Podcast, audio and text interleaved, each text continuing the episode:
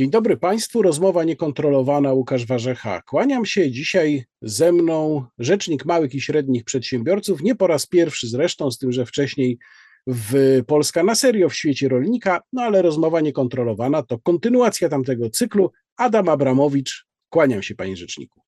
Dzień dobry, witam wszystkich. No i temat y, chyba dosyć oczywisty. Pytanie, które zadają sobie, zadaje sobie mnóstwo Polaków, ale przedsiębiorcy mali i średni zadają sobie tym bardziej, co zrobić w sytuacji, kiedy ceny energii oszalały i kiedy rachunki, kolejne rachunki i kolejne taryfy, które dostają przedsiębiorcy są coraz wyższe. Czy to jest dzisiaj, z pańskiej wiedzy, czy tak wynika, czy to jest dzisiaj największy problem małych i średnich przedsiębiorców, czy może są jakieś inne, które w równie dużym stopniu ich dotykają? Problemów jest y, bardzo duży, dużo przy prowadzeniu działalności gospodarczej. Każdy, kto spróbował, y, to wie, że no codziennie musi się borykać z wyzwaniami konkurencji, ale też y, z biurokracją, z niejasnymi przepisami, z ryczałtowym ZUS-em, który rośnie, bo związany jest z prognozowaną średnią w przyszłym roku aż o 17% będzie wyższy. Także z te rzeczy, do, do, tych rzeczy przedsiębiorcy są przyzwyczajeni, no, mus, muszą mieć grubą skórę i, i, pewne umiejętności, żeby poruszać się w tym systemie i utrzymać na rynku. Ale y, te ceny energii, które poszybowały y, w górę y, kilka razy, to, to są wydarzenia, których przedsiębiorca sam sobie nie, nie jest w stanie poradzić w żaden sposób. Bo niektórzy mówią, no co wy chcecie, E, przecież e, no, biznes to ryzyko, mamy teraz taką sytuację rynkową, no to musicie sobie poradzić, skoro e, zdecydowaliście się na prowadzenie biznesu. Otóż yy, są wydarzenia, w których się nie da przewidzieć i o skali takiej, które mogą nam przemodelować cały rynek. I teraz trzeba się zastanowić, czy to będzie tylko z niekorzyścią dla małych i średnich przedsiębiorców, czyli jak, jak część z nich zbankrutuje, bo nie ma pieniędzy, nie ma poduszki finansowej, żeby przetrzymać ten trudny okres, no to będzie się musiał zamknąć, tak? To no, dla każdej, każda historia indywidualna to będzie jakieś nieszczęście dla rodziny czy pracowników, ale czy też to będzie dobre dla gospodarki i dla rynku i dla konsumentów. Bo mm, w momencie, kiedy rosną ceny energii, mm, normalne jest, że energia, która jest w marży, na przykład w handlu w tej chwili jest około 2%. No jeżeli ona będzie w 6, 5-6% w marży, no to tyle powinny wzrosnąć ceny. I gdyby cały rynek zareagował tak, no to może można by było powiedzieć, y, wzrosły ceny energii, mamy nowe rachunki, podnosimy ceny, więcej zapłaci za to konsument. Y, oczywiście popyt spadnie, no bo siła nabywcza nam się zmniejszy, no ale nic złego się jeszcze nie dzieje, tak? No spadnie popyt, to popyt może spaść z różnych innych powodów. No i tutaj rzeczywiście przedsiębiorca musi być innowacyjny, musi ograniczać koszty, musi obniżać e, ceny, poprawiać jakość, jasna sprawa. Ale jeśli e, e, tak by się stało, no to tak jak mówię, jest to normalny, ekonomiczny parametr, co do którego każdy się powinien przyzwyczaić, ale, ale to się stanie inaczej. Dlaczego? Dlatego, że w momencie, kiedy na przykład ta marża w sklepie będzie musiała być podniesiona, to dla małego sklepu czy małej piekarni to będzie wyzwanie takie. Muszę to zrobić teraz. Tak? No, chyba, że mam pieniądze, więc poczekam, co zrobi konkurencja. No ale jeżeli ja widziałem rachunki, że płaciła piekarnia 20 tysięcy, a teraz ma zapłacić miesięcznie, a teraz ma zapłacić 100 tysięcy miesięcznie no to 80 tysięcy miesięcznie dla małej firmy mm, to już jest ogromne obciążenie. No i teraz masz to 80 tysięcy, no to dobra, dalej nic się nie dzieje, nie podnosisz cen, wyciągasz z kieszeni 80 tysięcy w pierwszym miesiącu, 80 tysięcy w drugim miesiącu i czekasz, co zrobi konkurencja. To konkurencja oczywiście głównie ta duża, te duże, wielkopowierzchniowe sklepy sieci, one mają poduszkę finansową, to jest raz. Dwa, one mogą sobie odrobić tą marżę, marże na innych artykułach. Tam ja widziałem dalej bułkę kajzerkę po 40 groszy, y, ewidentnie dotowaną, no bo nie da się y, takiej ceny utrzymać przy dzisiejszych cenach, y, więc dotowana jest z innych artykułów, plus jak się ma pieniądze, to sobie można poczekać, co zrobi konkurencja i pierwszym nigdy nie wyjść po szeregu. Ale mała piekarnia tego nie może zrobić, więc po prostu podniesie ceny. No i teraz dzisiaj są droższe te wypieki z prywatnej piekarni w stosunku do sieciówek, no ale przynajmniej wiemy, że droższe, lepsze wybieramy sami, no ale nie aż tyle droższe. No jakaś e, decyzyjność konsumenta istnieje jednak na cenę zawsze. Nie rzeczniku, bo, bo pan, pan mówi, pan zaczął mówić o pewnym zjawisku, które, co do którego wiele osób zadaje sobie też pytanie, czy to będzie uboczny, a może nawet w jakiś sposób zamierzony efekt tego, co się dzieje. To znaczy, że najbardziej dostaną po głowie właśnie drobni i średni przedsiębiorcy, natomiast wyjdą z tego obronną ręką ogromne firmy, w tym międzynarodowe koncerny. No i oczywiście pojawia się gdzieś tam takie pytanie, czy to w jakimś stopniu właśnie nie jest zamierzone, czy to nie jest zamierzona polityka wielkich państw, z których te koncerny pochodzą, no w każdym razie one sobie poradzą. Czy rzeczywiście jest takie niebezpieczeństwo realne, patrząc na tę sytuację małych i średnich przedsiębiorców, że możemy się obudzić w takim świecie, gdzie MŚP właściwie prawie już nie będzie, bo tego po prostu nie wytrzymają, a będą tylko wielkie koncerny i to nie tylko myślę o Polsce. No, oczywiście właśnie o tym opowiadam. Zwłaszcza, że to MŚP było najbardziej poszkodowane w momencie, kiedy mm, rządy różnych państw, już nie tylko w Polsce, z wyjątkiem Szwecji, walczyły z pandemią za pomocą zamykania małych firm. Duże korporacje, duże firmy działały, a małe firmy były zamykane. No bo właśnie tam ponoć najwięcej się ten wirus przenosił. E, I teraz w sytuacji, kiedy ta firma przeżyła, bo miała jakieś własne środki, skorzystała z rekompensat rządowych, e, no przetrzymała ten okres, no to teraz wchodzi w okres e, tych podwyżek cen energii, no i niestety tu już może nie przetrzymać, zwłaszcza, że założenia do tego projektu ustawy, który już jest u nas w Sejmie, były takie, że porównywać się miało ten okres, co do którego miała być zastosowana cena maksymalna, do okresu od 1 grudnia 2020 do 31 grudnia 2021. Jak sobie przypominamy, od grudnia do czerwca te firmy były zamknięte, czyli nie używały energii, czyli po prostu dostawały, dostałyby dużo mniejszą ilość energii z tą maksymalną y, ceną. Ale jeszcze wrócę do mm, tej mojej pierwszej wypowiedzi, bo y, y, panie redaktorze, ja też czytam komentarze. Bardzo wiele osób z satysfakcją mówi, no to co z tego? Niech ci mm, kapitaliści nasi, tak, skoro sobie nie umieją poradzić z takim problemem, to niech się zamykają, my sobie pójdziemy do, do sieci, przecież o, zawsze jakaś będzie alternatywa. I rzeczywiście taka jest prawda, będzie alternatywa. Tylko jest zawsze tak, jeśli kiedy konsument jest najbardziej zadowolony? Jak jest wolny rynek, jest dużo podmiotów na rynku, gdzie jest jakikolwiek tylko monopol czy quasi-monopol, to zaczynamy mieć problemy. Na przykład y, problemy ze spółkami Skarbu Państwa w tej, w tej dziedzinie energetycznej. Tak, już widzimy, co się stało, jeśli te spółki mogły zarobić, na kryzysie, to zarobiły, tak? Ceny poszybowały do góry. Nikt nie był w stanie tych cen opanować. I, I my, konsument dostaje najlepszą jakość produktu z możliwie najniższą ceną, czyli możliwie najlepszą jakość z możliwie najniższą ceną, jak jest dużo podmiotów, które ze sobą konkurują. Jeżeli tych podmiotów małych z, MŚP nie będzie, no to korporacje, nie, nie łudźmy się, w momencie, kiedy mają, nie będą miały konkurencji, na pewno nie będą dawały tych, tego, tych usług i, i tych towarów w, w możliwie najniższej cenie z możliwie największą jakością, a więc to wszyscy konsumenci wtedy to poczują. Ale jest ta iskierka nadziei, bo jest projekt ustawy w tej chwili.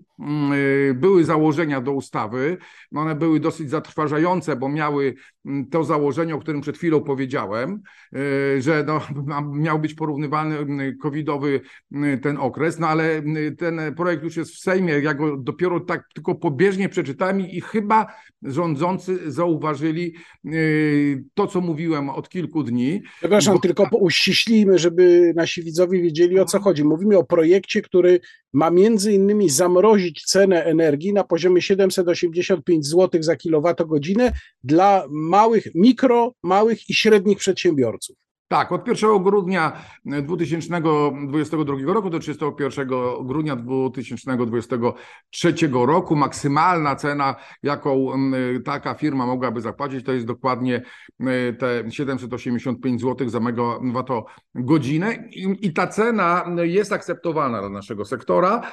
Ja ją jakby konsultowałem. Ona jest oczywiście dużo wyższa niż w tamtym roku. Tutaj nie ulega wątpliwości, że ceny generalnie usług i, i towarów wzrosną, tak? Tylko no, ona jest na tyle akceptowalna, że, że, że no, nie, nie stanie się to, co mówiłem, tak? Nie, nie zostanie MŚP wymiecione z rynku. Damy tutaj radę, w większości damy radę. E, jeśli usunięty zostanie ten, ten okres porównawczy do okresu covidowego, a wygląda na to, że już w projekcie ustawy zostało to zmienione, no to już można powiedzieć, że idziemy w dobrym kierunku. Y, y, głosowanie będzie na komisji y, jutro.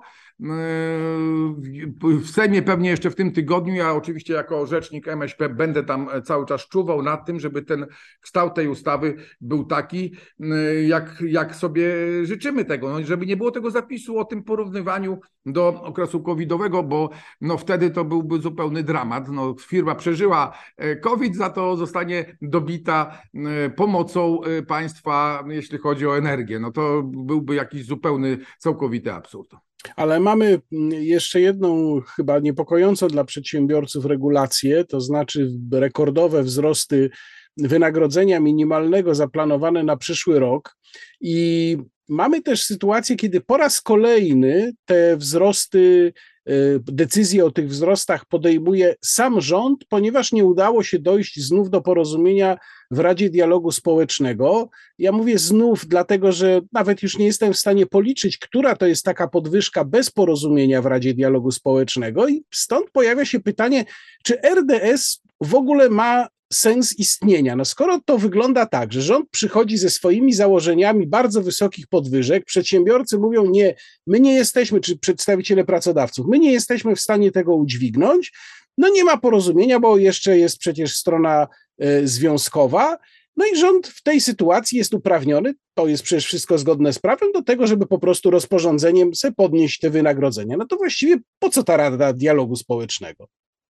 To jest oczywiście racja, ale ta Rada Dialogu Społecznego została skonstruowana przez uprzednio rządzącą Y, grupę partii w taki sposób, że tam w ogóle nie ma przedstawicieli MŚP. No jest, jest rzemiosło jako jedyne, można powiedzieć, y, y, organizacja, która trochę dotyka tego sektora, ale w większości reprezentują też je organizacje, które reprezentują duży biznes. To nie jest w ogóle dobra konstrukcja. Tam nie ma, tam się nie znajdują organizacje, które z sensu stricto znają problemy mikro i małych firm. No ale wróćmy do tego założenia rzeczywiście, że czy się e, strony zgodzą, czy się nie zgodzą, to i tak te podwyżki będą. I teraz można powiedzieć, e, dobrze, no dla kogoś, kto uważa, że będzie zawsze zarabiał płacę minimalną, no to jak mu się ją podwyższy, to się cieszy.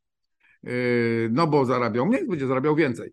Yy, jest pytanie takie, czy mm, płaca minimalna na yy, poziomie 3600 brutto, bo tyle ma mm, wynosić, jest jakimkolwiek atrakcyjnym rozwiązaniem dla ludzi, którzy pracują w Warszawie, w Poznaniu, Gdańsku, patrząc pośredniej w tych powiatach, i z praktyki wiemy, że no, za takie pieniądze to nikt w Polsce, znaczy w tych miejscach by pracować nie chciał.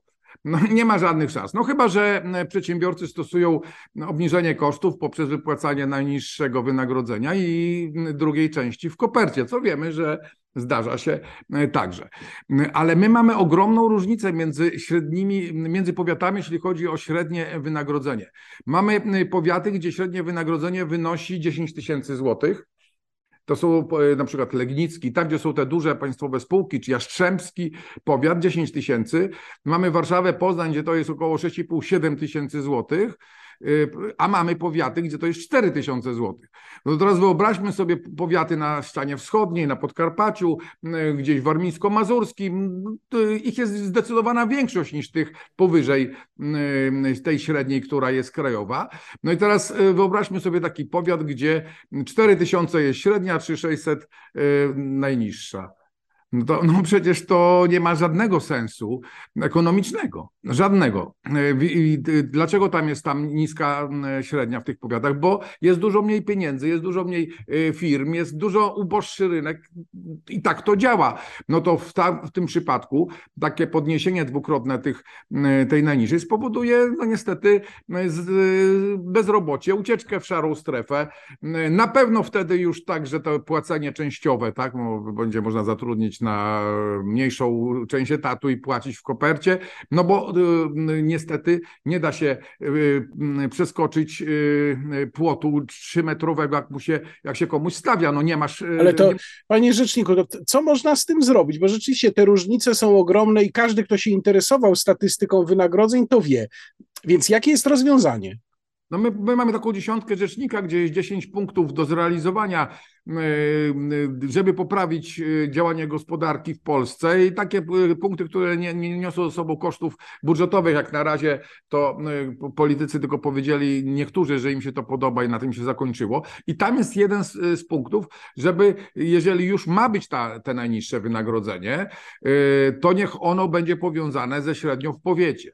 Oczywiście przy y, założeniu, że firma znajduje się w tym powiecie, że nie tylko zarejestrowana, ale tam faktycznie prowadzi działalność, że mm, no, y, faktycznie działa w, w, tych miejscach, gdzie ta średnia jest niższa, no i wtedy może ktoś zapłacić niższe wynagrodzenie minimalne. To też by zadziałało na zasadzie takiej, żeby pociągnąć za sobą inwestycje tam, gdzie jest teraz mniej tych pieniędzy, co by spowodowało wyrównanie e, poziomu życia. No tak przecież Chiny się wzbogaciły, tak? No wiesz, nie, nie, nie z jakich powodów y, firmy się lokowały w Chinach. No nie z powodu takiego, że lubili pracowników ze skośnymi oczami, tylko dlatego, że ten pracownik ze skośnymi oczami kosztował dużo, dużo mniej niż pracownik w Europie czy w Stanach Zjednoczonych. No w związku z tym i u nas by coś takiego zadziałało nie, i, i to by zadziałało korzystnie dla ludzi, a nie niekorzystnie. Y, pamiętajmy też, że y, taki mechanizm podnoszenia płacy minimalnej to nie jest tylko płaca wyższa dla tych najmniej wykwalifikowanych y, y, pracowników, ale także napędzanie całego funduszu płac dla całej firmy. No bo jak w tym powiecie, gdzie te, gdzie te, te, te płace są niższe, no ktoś nisko wykwalifikowany dostanie podwyżkę, to ten jego kierownik, kolega z większą odpowiedzialnością przyjdzie powie szefie, no ale jak to? No ja nie będę zarabiał tyle, co, co, co on, bo ja mam bardziej odpowiedzialną pracę, no więc trzeba zapłacić jemu więcej, no to ten następny przychodzi i mówi dokładnie a to, to przecież samo. oznacza, to przecież oznacza również wyższe składki odprowadzane przez pracodawcę. A to już jest inna rzecz, nie? To jeśli popatrzymy z punktu widzenia budżetu, panie redaktorze, to same plusy są. No, to oczywiście tu się zgadzamy, wyższe składki, opodatkowanie tychże y, kopert, czyli tych premii kopertowych, y, tylko to też jest ciekawa sprawa, bo ktoś może powiedzieć, no dobra, no y, jednak nie życzylibyśmy może sobie, żeby taka, takie zjawisko było, że płacimy premię w kopercie, płaćmy wszyscy wszystko na, na naszą listę płac. W Polsce praca jest opodatkowana bardzo wysoko, gdzieś w, w granicach 70%. Jeżeli wypłacamy 1000 zł pracownikowi, to 700 musimy zapłacić w formie różnych podatków i składek do budżetu państwa. Kiedyś, jak właśnie badałem taką sytuację płacy średniej w powiatach, to bardzo mnie zdziwiło, że jeden z powiatów w Wielkopolsce E, ma e, e, najniższą średnią w całym województwie, no i niską nawet w, porównaniu do innych powiatów w Polsce, za to ma najniższe bezrobocie. No, takich cudów ekonomicznych nie ma, tak? No można sobie wykorzystywać y, wtedy przedsiębiorca. Przedsiębiorca też nie jest aniołem, który by chciał płacić, no płaci tyle, ile mu też rynek pracownika pozwala, tak? No oczywiście może każdy chciałby płacić więcej, ale no tak to wygląda. Płaci tyle, ile rynek pozwala, jego y, towar jest też wtedy bardziej konkurencyjny. No i yy, przy takich parametrach, najniższe bezrobocie, najniższa średnia, no coś tu nie gra. No y, i jeszcze Wielkopolska, więc zacząłem badać, co się dzieje. No okazało się, że w tym, że powiecie, co drugie gospodarstwo, co drugi dom to jest warsztat produkujący meble do Niemiec. Więc tam się wszyscy cieszyli, no bo był zbyt, przyjeżdżali Niemcy, zabierali te meble. No oczywiście te meble musiały kosztować tyle, żeby Niemiec to zaakceptował. No i teraz y, weźmy y, y, to pod uwagę, że tam na pewno była, były koperty. No nie ma mowy, żeby gdzieś, gdzie jest niskie bezrobocie, ktoś zarabiał najniższe wynagrodzenie. No więc ta druga część była płacona w kopertach. No i teraz, jeżeli państwo opodatkuje część tej koperty, jest pytanie, jaką część, jak dużą, no to ten przedsiębiorca zapłaci 70% więcej, będzie miał w kosztach niż miał dzisiaj, tak? No i przyje, co zrobi? No będzie musiał ponieść ceny mebli. Przyjedzie Niemiec i powie, no panie, nie, to, to, to, to to, to nie ma o czym mówić. Jadę do Rumunii czy do Bułgarii. Notabene w Bułgarii byłem niedawno, y, podatek PIT 10%, podatek CIT 10%. Więc y, nawet w ramach y, Unii Europejskiej można sobie znaleźć kraj z niskimi podatkami i z, że tak powiem, z niską ceną. Więc A pan ma taką propozycję, o której pan często wspomina i tu właśnie przy tej okazji chciałem o nią zapytać, czyli dobrowolny ZUS. O co tutaj chodzi? Y, tak, to też oczywiście by pomogło y, przedsiębiorcom i zarówno przechodzić przez kryzysy, jak i też rozwijać swoje firmy, y, bo ten ZUS ryczałtowy na, na dość dużej wysokości, porównując do innych krajów, dla tych, co mają małe dochody, ten ZUS jest niezwykle, niezwykle wysoki i, i ciągle rosnący, bo ciągnie go ta prognozowana średnia. Prognozowaną średnią ciągną ciągłe podwyżki płacy minimalnej, to jest takie koło zamknięte. E, w przyszłym roku 17% wzrostu, około 200 zł, 1000, około 1500 zł bez składki zdrowotnej trzeba będzie zapłacić, czy się zarobiło, czy się nie zarobiło, bo to jest, to jest niezwykle ważna sprawa. E, jest e, w różnych krajach są różne systemy opłacania takiej składki. Od naszego sąsiada sąsiada Niemiec, z, którymi przecież, z którym przecież mamy bardzo duże relacje gospodarcze, duże powiązania gospodarcze. Tam yy, przedsiębiorca, jeśli chce i może, to sobie płaci składkę w systemie państwowym. Jeśli nie chce i nie może, to sobie zabezpiecza się sam. To jest dosyć rzeczywiście szokujące dla polskich przedsiębiorców, bo oni w ogóle nawet nie wiedzą, że coś takiego jest możliwe. Tak, w środku Europy, w, w Niemczech przedsiębiorca tej składki nie musi płacić, jak nie chce. E, tam jest taka struktura, że 50%, 50% e, tych niemieckich przedsiębiorców jest w systemie państwowym, 50, około 50 nie ma. Z tych 50, których nie ma, 75% płaci składkę w systemie prywatnym. No ale system prywatny być może jest nawet droższy, tak? większa składka, ale on się tym charakteryzuje, że jak nie masz i nie zapłacisz, no to ci się nie gromadzi kapitał, ale nie wysyłają ci komornika do domu, żeby to egzekwować. I 25% się y, samemu zabezpiecza. Ja robiłem badania, w Polsce byłoby dokładnie Podobnie, 50% powiedziało, zostaje w ZUS-ie, 50% by się wymeldowało. Y, no ofertę zakłady ubezpieczeniowe by dały, bo żeśmy z nimi rozmawiali, też prywatno. Mniej więcej podobnie by się to rozłożyło, jak, jak właśnie w Niemczech. O ile to, to jest ważne, że ten komornik nie przychodzi, miałem taki przypadek, że przedsiębiorca przyszedł do rzecznika, mówi rzeczniku ratuj, bo no, no nie miałem możliwości zapłacenia tego ZUS-u, musiałem otrzymać y, rodzinę, żonę, on miał tam około 60 lat, lat, żona miała też w podobnym wieku, była, e, no i e, stracił pracę jako kierowca gdzieś w firmie, założył sobie własną firmę, utrzymywał się z własnej pracy na ścianie wschodniej, firma związana z obecnością e, turystów z Białorusi. No jak byli, to miał tam przychody 2,5-3 tysiące, no to ten ZUS płacił. Jak się ograniczyło, no to miał przychody, pokazało mi książkę przychodów i rozchodów 1500, 1700, 1200 zł, no to jak mógł zapłacić ZUS? Mówi, no nie mogłem, bo musiałem musiałem z czegoś żyć. Jeszcze musiałem skromnie, mówi raz jedliśmy zupki chińskie, a raz w niedzielę jedliśmy pełny obiad, tak? No, no pytam się, ale dlaczego pan nie zamknął? On mówi, no ale jak to? No, no, no ja chciałem żyć z pracy własnych rąk, ja bym zamknął się, pójść po zasiłek, tak, a potem z czego ja bym żył? No taki uczciwy do, do cna człowiek, który nic złego nie robił, tylko chciał pracować, żeby siebie utrzymać. No i przy tym rzeczniku ratuj, bo właśnie e, przyszedł do mnie komornik z ZUS-u e, za, za zaległe składki plus odsetki, on chyba ze trzy lata tam nie płacił, chce mi e, licytować moje mieszkanie, mnie wyrzucić na bruk.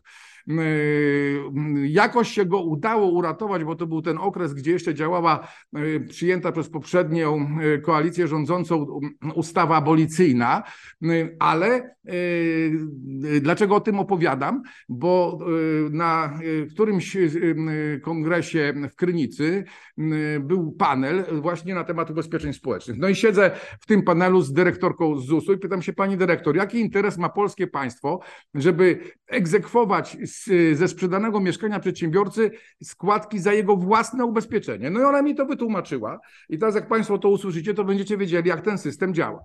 Bo ona powiedziała tak, panie rzeczniku, jak ten przedsiębiorca się zarejestrował, no to musieliśmy mu założyć konto w ZUS-ie. Indywidualne, jego własne.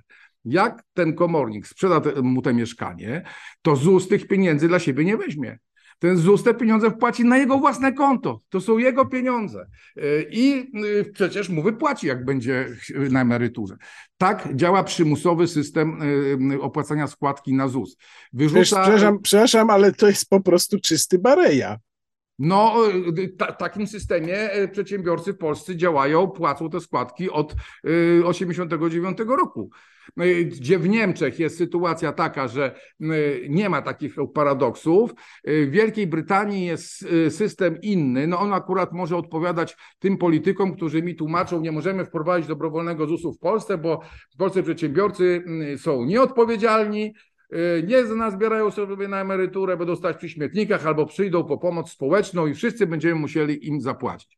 No już pomijając to, że mm, y, pytam się, czy jak byli w Niemczech, to tam przy tych śmietnikach tych niemieckich przedsiębiorców spotykali, no to y, przecież nie jesteśmy ani głupsi od Niemców, ani mniej zapobiegliwi, no więc sobie zdecydowanie poradzimy, a tymczasem jest 600 tysięcy ludzi pracujących w szarej strefie, i tam się, panie redaktorze, o nich nie martwią, że będą przy śmietnikach stali. Tak? Jest, jest tam y, około chyba 200 tysięcy już tych, co mają groszowe emerytury, y, właśnie w tym systemie y, tych składek na własne konto, też się nich nie martwi.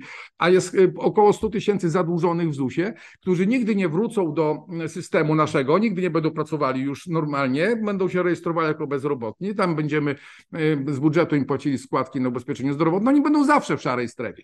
Więc tak to mniej więcej działa, ale jeśli jeśli chcemy, tak, ktoś ma takie dobre serce, a pan wie, że politycy mają, prawda? Że oni zawsze się pochylają nad tym obywatelem, jak już mu wyciągną te pieniądze z kieszeni, to potem mu trochę oddadzą, tak, żeby go zabezpieczyć. No i to mniej więcej ten sam mechanizm. Jak chcemy, żeby nas zabezpieczyli, to niech nas zabezpieczają jak w Wielkiej Brytanii.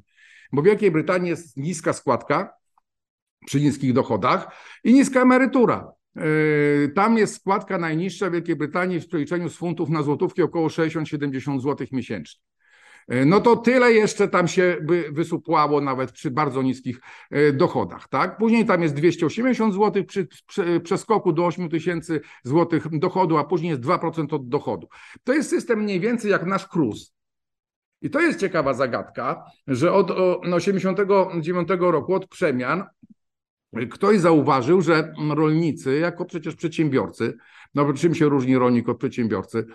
No, musi wyprodukować, musi sprzedać, musi kupić y, różne środki do tego potrzebne, y, tak, y, no musi zatrudnić pracowników, jak ma większą firmę, działa dokładnie tak samo jak przedsiębiorca, nazywa się rolnik.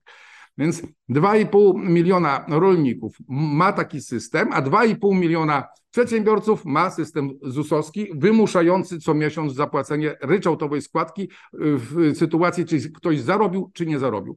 No to ja im mówię tak, tym naszym moim kolegom, byłym politykom. Jeżeli chcecie tak dbać o nas, żebyśmy my nie stali przy tych śmietnikach, tak, żebyśmy nie stali po pomoc społeczną, to wprowadźcie nam system brytyjski. Czyli nas obejmijcie krusem. Nawet nie musicie nic robić.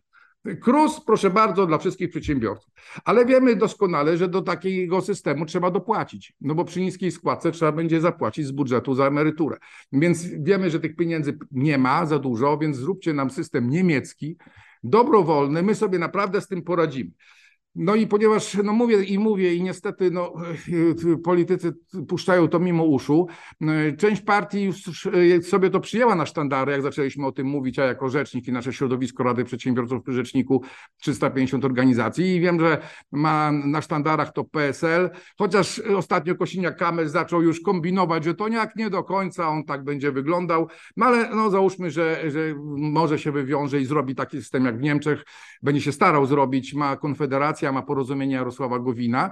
Mm, y, duże te partie, które decydują o rozwiązaniach w Polsce, zarówno rządząca, jak i opozycja na razie o tym nie chcą słyszeć. Y, ale mamy pomysł. Będziemy startowali w listopadzie z obywatelskim projektem y, ustawy o dobrowolnym ZUS-ie wzorem Niemiec. Będzie komitet powołany, już się ludzie zgłaszają, będziemy zbierali podpisy. Mam nadzieję, że polscy przedsiębiorcy się obudzą. Jest, pamiętajmy, że jest nas ponad 2 miliony i że nazbieramy przynajmniej te 200-300 tysięcy, no daj Boże, pół miliona podpisów pod tym projektem. No i wtedy są szanse, wybory idą, że y, i, dzisiejsza koalicja rządząca zauważy, że jest to problem i być może patrząc na to, że może to dać procent, dwa procent w wyborach, że się zdecydują na przeprowadzenie. Ja już ja rozmawiałem z politykami obecnego obozu rządzącego i oni tam nie, nie do końca mówią nie, tak? No nie ma jakby decyzji ostatecznej, nie ma takiego y, kogoś, kto by to y, popchnął, ale część mówi, no dobrze, no to no rację masz, no jak opowiadam im o tym moście i o tym koncie indywidualnym, e, jak to działa, że to przecież tak ZUS dla siebie pieniędzy nie bierze, tylko wpłaca na konto przedsiębiorcy, no to każdy by rozumie, że to no coś tu nie gra, tak? E, Panie rzeczniku, e, chciałem jeszcze wrócić na chwilę do kwestii problemów związanych z sytuacją na rynku energii, bo mówiliśmy o prądzie. No jest jeszcze drugi problem dla dużej liczby przedsiębiorców małych i średnich, czyli gaz. Piekarnie na przykład bardzo z tego powodu cierpią. I chciałem zapytać o pański ogląd sytuacji taki bardziej z góry, bo pan ma jednak mm, dobry ten ogląd, jako że do pana zgłaszają się przedsiębiorcy. Często w tej chwili słyszymy, że sytuacja makroekonomiczna w zasadzie jest zaskakująco dobra. Te dane się jakoś tam dramatycznie nie pogarszają, na razie nie rośnie bardzo wyraźnie bezrobocie. No i zastanawiam się, jak pewnie wiele osób, czy to jest cisza przed burzą i to się w którymś momencie zacznie walić, właśnie zwłaszcza w sektorze MŚP, czy my jednak jakoś przez to przejdziemy. Ja wiem, że przewidywanie w obecnej sytuacji przyszłości jest bardzo trudne, ale wiedząc to, co pan wie i mając ten ogląd z góry, jak pan to widzi? No, z gazem nie udało się e, zachęcić mm, rządu, żeby objął sektor MŚP jako sektor wrażliwy. A była taka możliwość, bo, bo w dyrektywie gazowej jest taki zapis. Objęto szkoły, przedszkola, przychodnie, tak, nie, nie, akurat tutaj tego nie zastosowano. Przy prądzie już mm, jest to, ta ochrona i myślę, że y, ta ustawa pewnie przejdzie, no na pewno przejdzie w Sejmie, oby tylko z, z tymi naszymi poprawkami racjonalnymi, że tutaj będzie ta jednak y, możliwość przetrwania. Rok mamy y, czasu. Na pewno nie wszyscy przetrwają. Tak? Zresztą y, jest sytuacja taka, że nie wszyscy akurat się muszą y, podwyżek energii bać. No są y, branże, które akurat energochłonne nie są.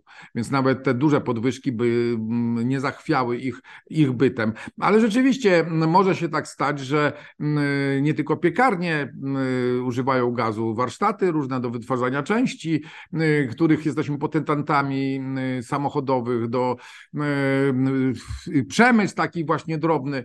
No oczywiście tutaj e, będzie wszystko zależało też jak się ułoży sytuacja w Europie, bo ceny energii, wzrost cen energii dotyka wszystkich, także więc my, no jeżeli będziemy z, z, na, gdzieś tam na niemieckim rynku konkurować, jeżeli tam też mają problemy i tam też pójdą ceny do góry, to jakoś to się wszystko poukłada, ale rzeczywiście dzisiaj wróżyć, jak to się zakończy, jest trudno. Bezrobocie jest też niskie z tego powodu, że mamy coraz więcej ludzi starszych, zmienia nam się struktura wiekowa, coraz mniej osób pracuje, coraz więcej osób pobiera emerytury. To oczywiście pan wie o tym doskonale, że to będzie budziło kolejne problemy właśnie z systemem ubezpieczeń społecznych. Tak tylko dodam, bo wtedy nie powiedziałem, że my byśmy tym dobrowolnym ZUS-em nie zachwiali budżetem FUS-u, bo to by kosztowało wszystkich składek, które płacą przedsiębiorcy, to jest około 14 miliardów złotych. Jeżeli połowa by odeszła, to jest 7 miliardów, a budżet FUS-u jest prawie 200 miliardów, więc to tam żaden problem z tym by nie był. No ale tu oczywiście cały system emerytalny też będzie miał cały czas naprężenie i napięcie, no bo więcej nie pracuje niż, y, będzie coraz więcej nie pracowało, a mniej pracowało. Stąd, y, stąd y, dlatego tego też nie, tego bezrobocia nie widzimy aż takiego. Też mieliśmy dobrą sytuację materialną i gospodarczą, no jednak gospodarka polska była rozpędzona. Polska 2021, mówimy o tym przed tym czasem covidowym, tuż przed covidowym, a Polska chociażby 2000 to są dwie różne rzeczywistości, prawda? Myśmy jeszcze w tamtych latach sobie nie wyobrażali, że będą, że Polacy nie będą chcieli wykonywać trudnych i nisko opłacanych prac. Przecież dzisiaj tam na tych odcinkach pracują wyłącznie pracownicy spoza Polski.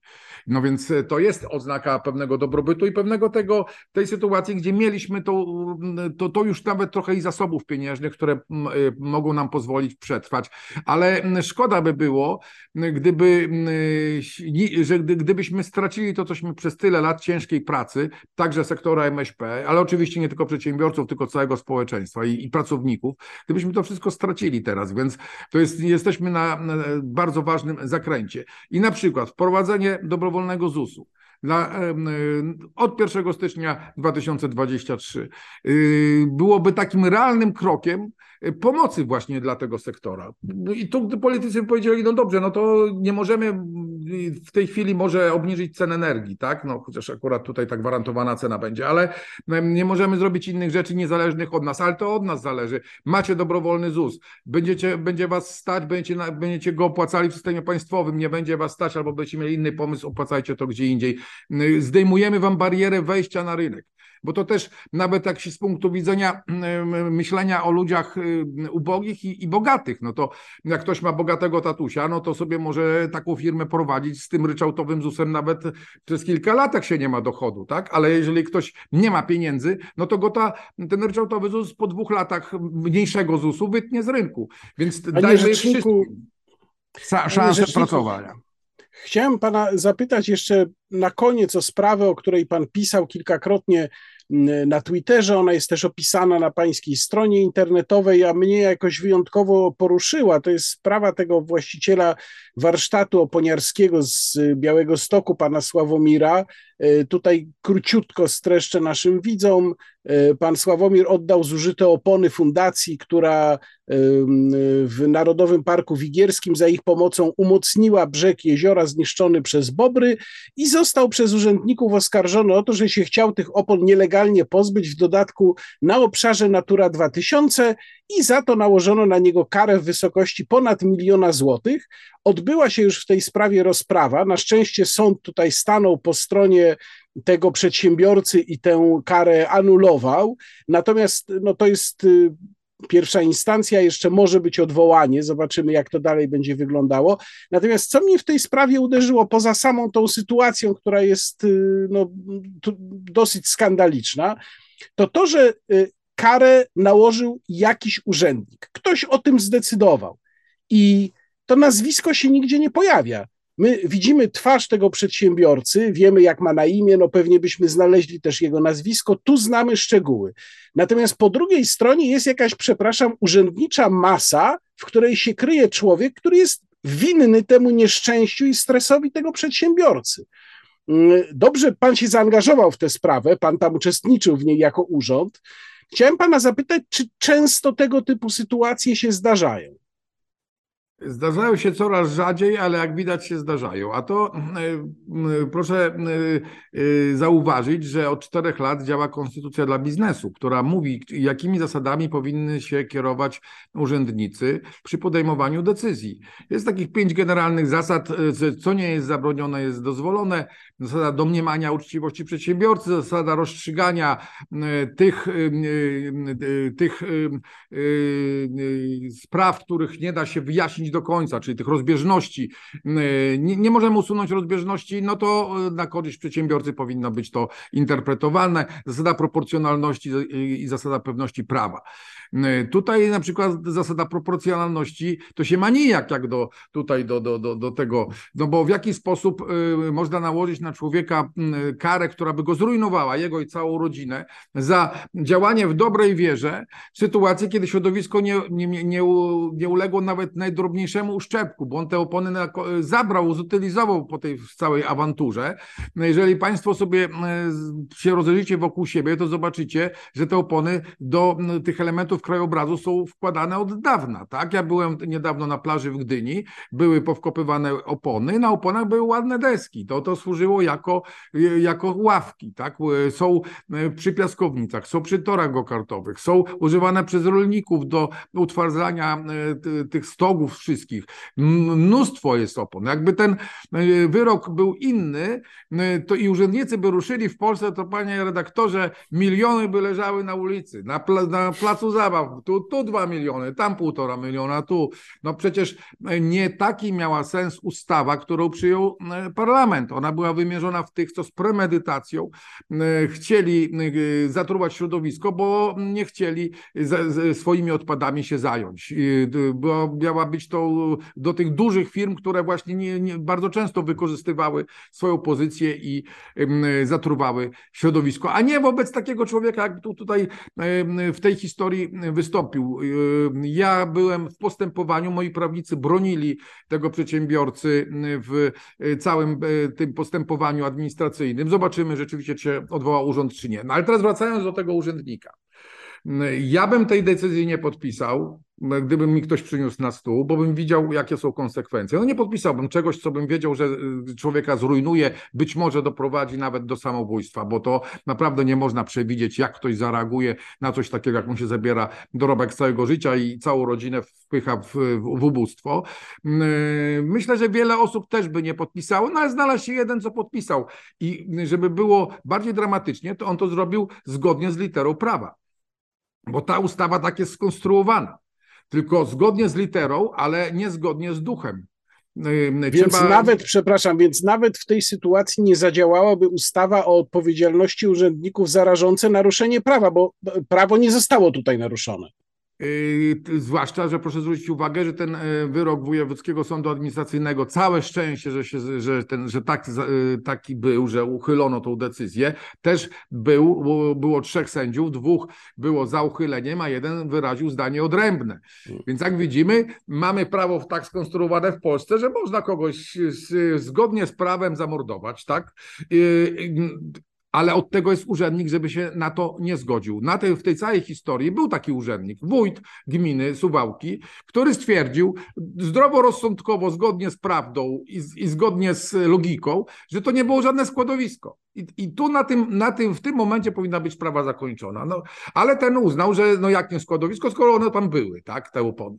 Więc yy, yy, ja myślę, że ten y, przypadek też, y, to, że udało mi się to nagłośnić, bo przecież on, ten przedsiębiorca umarłby w, w ciszy i milczeniu, tak, samotnie by tam umarł, gdybym ja jednak nie zainteresował mediów, yy, że, że to też y, w jakiś sposób pomoże tym urzędnikom zrozumieć, prawo y, nie, nie, nie może być skierowane przeciwko człowiekowi, przeciwko zwykłemu człowiekowi. Ono jest, ma chronić tego obywatela, chronić. No tu sąd y, rzeczywiście powiedział właśnie w ten sposób to orzekł. Nie zbadaliście y, okoliczności sprawy. To, że tam literalnie opony były, no były, tak? Przez ten okres były, były. No to nie można wziąć współczynnika i naliczyć takiej ogromnej kary. Jest pytanie, czy środowisko w jakiś sposób w ogóle zostało naruszone? Nie. Jaka była intencja tego e, działania? Czy to e, groziło komukolwiek, czymkolwiek? No nie groziło, tak? No i dobrze by było, żeby z tej historii pozostali urzędnicy wysnuli pewne wnioski. Jest konstytucja dla biznesu. My się, chcemy być państwem takim, jakie zawsze marzyliśmy, tak, żebyśmy dołączyli do, do państw Europy Zachodniej. E, no tam takie sytuacje się nie zdarzają, e, bo tam urzędnicy wiedzą, że on, oni służą właśnie obywatelowi, bo po to są, tak? E, żyją z naszych podatków. Jeżeli wykonują tą robotę uczciwie i właśnie w taki sposób nakierowany na obywatela, to wszystko jest w porządku.